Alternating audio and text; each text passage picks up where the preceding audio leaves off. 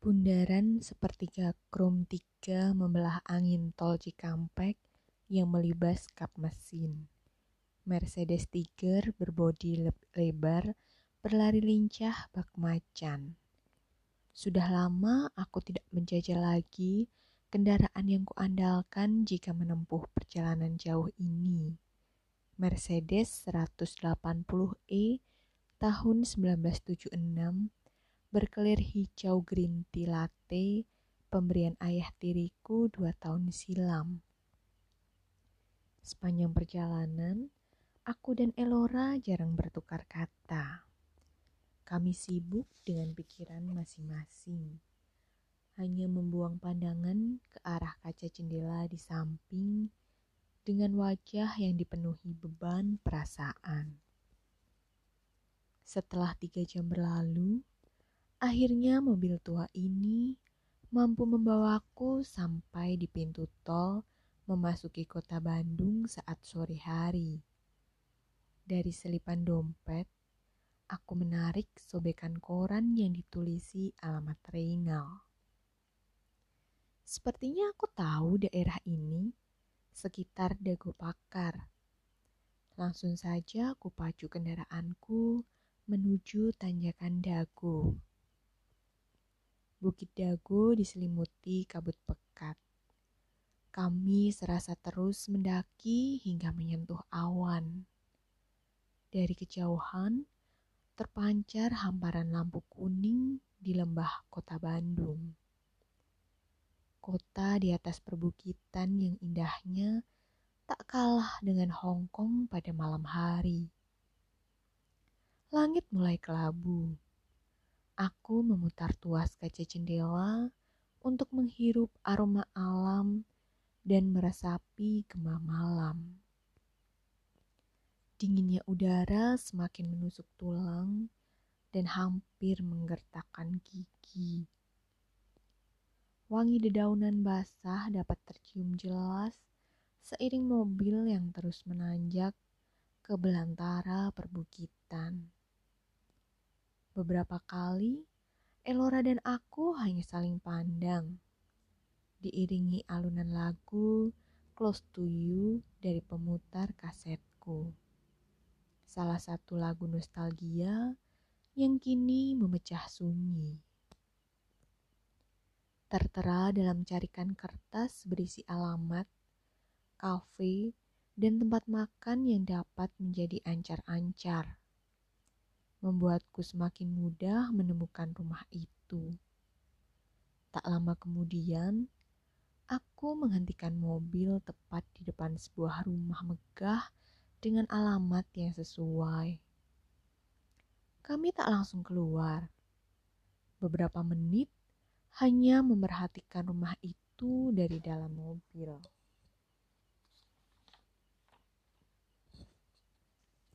Rumah yang amat mewah dan modern. Terlihat seperti rumah yang baru selesai dibangun. Model rumah futuristik yang sangat halus sampai tak dikenali lagi berapa tingkat yang dimiliki rumah ini karena bangunannya saling terpisah tak beraturan, tak menjadi kesatuan seperti sebuah cottage. Benar-benar rumah yang nyaman, dan yang pasti pemilik rumah ini memiliki selera yang unik. Ada suatu bagian rumah yang cukup menyapa perhatianku. Garasi rumah ini adalah garasi rumah paling besar yang pernah aku lihat. Garasinya terbentang memanjang, berada di dasar rumah, dan tingkat pertama rumah itu sepertinya hanya berisi garasi saja. Sementara pintu masuk ruang utamanya sepertinya diakses melalui tangga yang berpangkal di halaman depan. Langit pun semakin pekat Lampu-lampu rumah mulai dinyalakan, semakin memberikan kesan mewah dan indah. Di antara bangunan-bangunan rumah itu, terdapat taman-taman indah yang dipenuhi tanaman hias dan bebatuan. taman-taman megah yang bercahaya oleh siraman cahaya lampu sorot. Masih dengan posisi duduk di dalam mobil, aku bersiap keluar. Nafas panjang berembus hingga menjadi uap di udara malam Bandung yang dingin. Seperti biasa, wajahku mulai gugup. Aku hanya berpasrah kepada kisah yang akan kudengar nanti. Menyadari mimikku, Helora menyandarkan kepalanya di bahuku dan berucap pelan dengan senyuman yang menenangkan. Tidak usah khawatir, Rantau. Mataku menyipit dan memandang miris. Indahkah ceritanya nanti? Apa pun cerita darinya tidak akan mengubah apa pun. Yang sudah terjadi tidak dapat kembali. Tapi, kuharap apa yang pernah terjadi bukanlah sesuatu yang disesali. Sesuatu yang boleh disesali itu jika sesuatu terjadi karena perbuatan kita, bukan apa yang tidak kita perbuat atau bahkan yang tidak kita ketahui sama sekali. Ucapnya bijak. Betapa kedua mata Elora meluruhkan kegelisahan yang tersirat di wajahku. Lalu, dengan ujung jemarinya, Elora mengangkut daguku agar aku bisa menatap matanya. Ia tersenyum lalu mendekatkan wajahnya ke arahku. Ia mengecup bibirku dengan lembut, seperti menyalurkan gelora kasih sayangnya yang meluap-luap. Kecupan yang tak begitu lama, tetapi membekas erat. Bukan hanya di bibir, melainkan juga di segenap tubuh yang membuatku merinding dan berdebar. Tanpa kata-kata lagi, kami berdua turun dari mobil, lalu melangkah mendekat menuju gerbang rumah Reynal. Melihat kedatangan kami, laki-laki berseragam satpam biru tua datang menghampiriku. Malam mas, sapanya. Malam, saya rantau pak, mau ketemu bapak Reynal. Oh, Pak Rantau, dari Jakarta ya? Pak Renal sudah menunggu di dalam. Sahut satpam itu dengan senyum ramah. Mari pak, ikut saya. Ia berjalan menuntun kami ke dalam.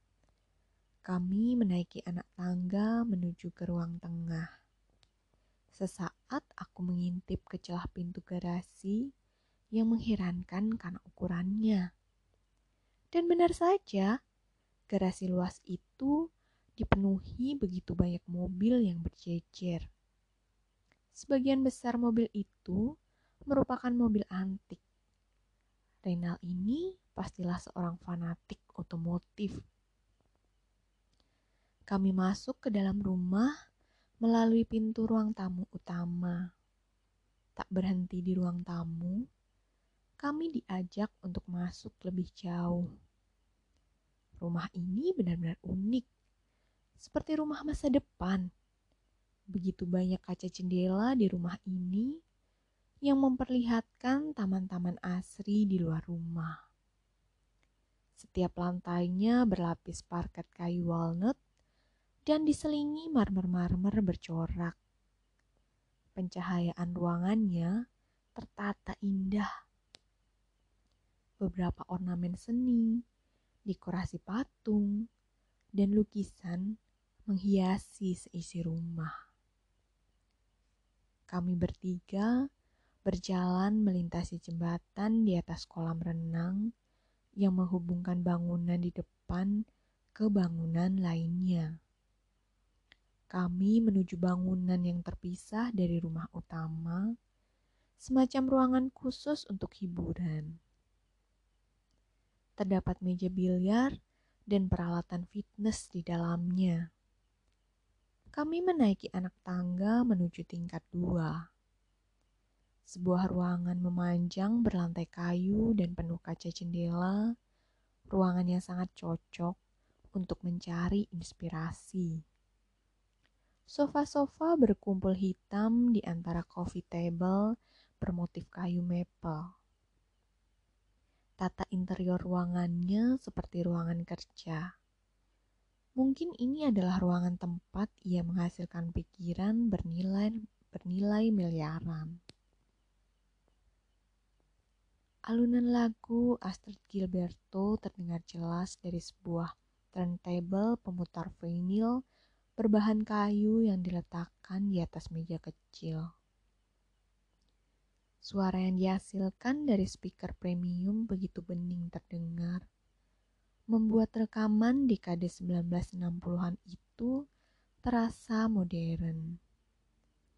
Irama saksofon dari bagian lagu itu Ditambah interior kelas atas ini membuat suasana semakin Paris, meskipun ini masih di dalam Paris Van Java. Reynald tengah menyandarkan tubuh santai di dekat jendela ujung sambil mengisap batang cerutu. Menyadari kedatangan kami, ia langsung mencucukkan cerutunya di asbak lalu segera melangkah menghampiri kami. Meskipun tubuhnya tambun, ia berjalan seperti anak muda yang cekatan. Laki-laki itu umurnya kira-kira sama seperti suami Elizabeth. Kulitnya cerah dan bersih, mata yang sedikit sipit memandangku ramah. Brewok halus tumbuh menyambung dari jambang hingga janggut. Senyum ramah tak lepas dalam jabat tangan yang lama. Sikapnya begitu berbeda dengan suami Eli yang terlihat angkuh.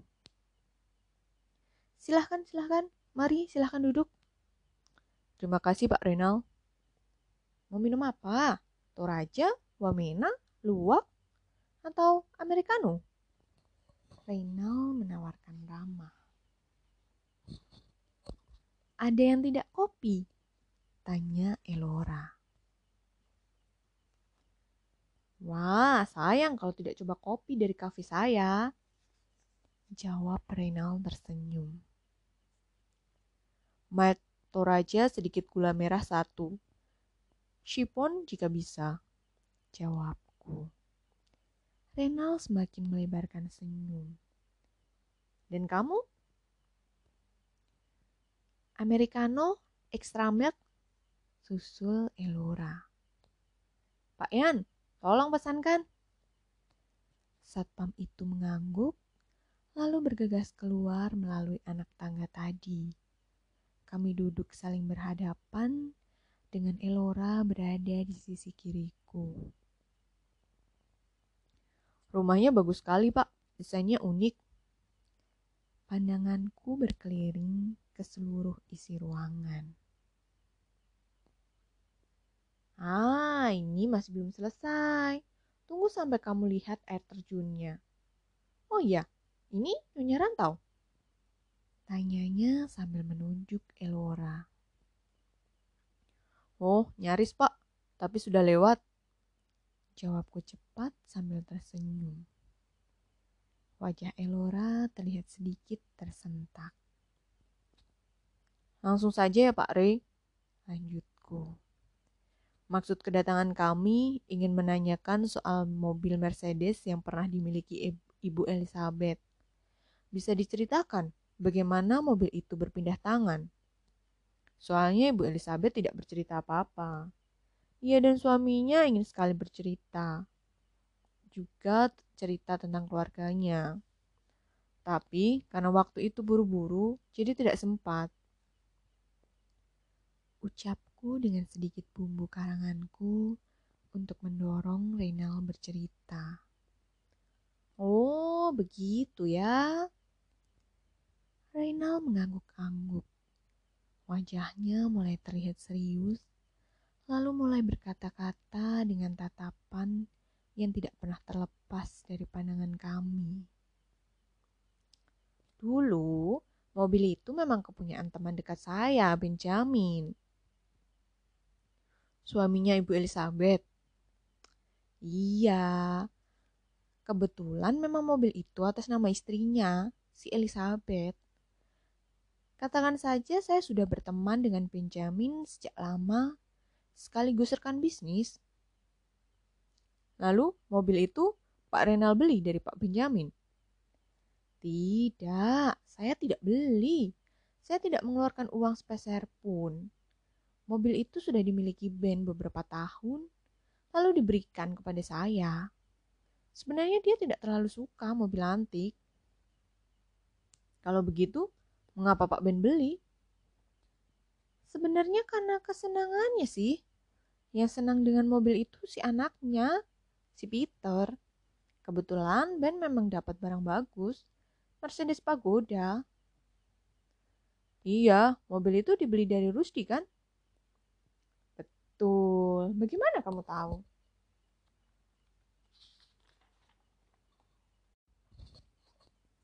Saya sempat menelusurinya. Rusdi, orang yang sekarang mendekam di penjara. Mata Reynal membeliak. Oh iya, Ben benar-benar tidak Ben benar-benar tidak main-main rupanya. Maksud Bapak? Tidak, bukan apa-apa. Reynal membuang pandang. Aneh, seolah ada hubungan antara Benjamin dan Rusdi. Tetapi, apa yang sebenarnya terjadi pada zaman itu? Mengapa harus ditutup-tutupi? Sebelumnya lagi, mobil itu pernah dimiliki ayahnya. Sambung Reynal. Oh, jadi setelah dibeli, dipakai ayahnya dulu, baru dipakai oleh Pak Ben. Bukan. Maksud saya dipakai ayahnya sebelum dipakai Rusdi. Kini giliran mataku yang membuntang dengan mulut yang menganga. Jadi, Pak Benjamin anak dari John Wonglong? Ya, anak termuda setelah Jesse, Siska, dan Henry. Sambungku tertegun. Hebat, kamu sepertinya kenal benar dengan keluarga itu. Balas Reynal. Tapi yang saya tidak tahu, bagaimana mobil yang begitu disayangi keluarga itu bisa jatuh ke tangan bapak. Seketika Reynal menelan ludah. Ya sebenarnya sepele. Jadi kami berdua memang sudah lama bersahabat. Dari dulu kami senang melakukan hal gila yang tidak biasa. Hobi kami berdua itu taruhan. Suatu saat kami bertaruh menginvestasikan uang kami di perusahaan tekstil yang berbeda. Aduh Roy, hadiah taruhannya lumayan. Hukumannya memberikan barang kesayangan milik anak kami. Kalau Ben dengan mobil anaknya, kalau saya mempertaruhkan studio band punya anak saya, kalau saya mempertaruhkan lumayan berat kan? Kalau taruhannya cuma sekedar materi sih, ya itu sudah biasa. Kami tidak begitu keberatan. Tapi kalau yang dikasih barang kepunyaan anak, pasti lebih menohok. Dan kamu tahu, Siapa yang akhirnya menang? Raut penyesalan Reynal berubah mengisyaratkan kebanggaan. Hmm, pasti bapak yang punya ide ya? Tanya Elora sepemikiran denganku. Raut bangga itu kembali terhapus oleh kata-kata pedas Elora. Kurasa Memang Reynal yang sengaja mengatur aturan seperti itu agar ia bisa mendapatkan mobil yang diinginkannya. Dasar licik. Mungkin dengan cara-cara seperti itu dia bisa jadi sekaya ini. Wah, gawat juga dong pak. Padahal sepertinya hubungan Pak Ben dengan anaknya agak renggang. Ucap Elora berani dan semakin menjurus. Namun, Aku memang sependapat dengan Elora. Kasihan juga. Kondisi keluarga sahabatnya yang pecah diperparah dengan hal-hal seperti ini. Sungguh mengenaskan. Hanya karena keinginan pada sebuah mobil, persahabatan menjadi putus seperti itu. Iya, iya, saya tahu. Saya juga merasa bersalah. Bukan hanya hubungan keluarga mereka yang semakin renggang, hubungan persahabatan kami juga jadi tidak sedekat dulu. Saya benar-benar menyesal. Memang terkadang materi seperti itu tidak terlalu penting dibandingkan dengan persahabatan. Matanya memandang sendu karena rasa bersalah. Sepertinya ia masih memiliki hati nurani yang kuat dengan penyesalan yang mendalam. Sudah, sudah. Jadi apa lagi yang ingin kamu tahu tentang mobil itu, Dek Rantau? Saya ingin tahu, kalau Bapak pernah punya mobil itu, mengapa saya nggak lihat ada nama Bapak dalam BPKB? Semenjak Ben memberikannya, mobil itu cuma dua bulan di tangan saya. Malah tidak pernah saya pakai sama sekali. Cuma sempat jadi pajangan garasi, lalu saya jual. Tidak sempat saya balik nama. Jadi, mobil itu sudah berpindah tangan lagi. Reynald menganyam jari dan mengangguk. Ah, rupanya memang masih ada pemilik berikutnya. Sepertinya kisahku ini tidak berkesudahan. Namun, aku merasa aneh. Jika ia menginginkan mobil itu sampai mengorbankan sahabatnya, mengapa ia rela menjualnya ke orang lain? Padahal kurasa ia tidak membutuhkan uang hasil penjualan mobil itu. Lantas, mengapa Bapak jual mobil itu? Atau hanya Bapak titipkan? Saya jual. Reynal terjatuh dalam lamunan sejenak, lalu menundukkan tubuhnya. Kini kedua tangannya saling berkepal silang dan ditempelkan ke dagu. Matanya menatap ke bawah dengan pandangan yang menyeratkan sebuah kisah yang pernah menyentuh hatinya. Sebenarnya, mobil itu salah satu koleksi saya yang paling saya sayang. Saya sempat ragu melepasnya waktu itu. Kalau bukan karena orang itu yang beli, ucapnya lemas. Aku menghela nafas dalam-dalam dan menanyakan pertanyaan yang siap mengantarku kepada petualangan berikutnya. Ke mana Bapak menjualnya? Waduh, saya saja lupa namanya. Bapak dipaksa? Tanya Elora. Aku sependapat dengan Elora.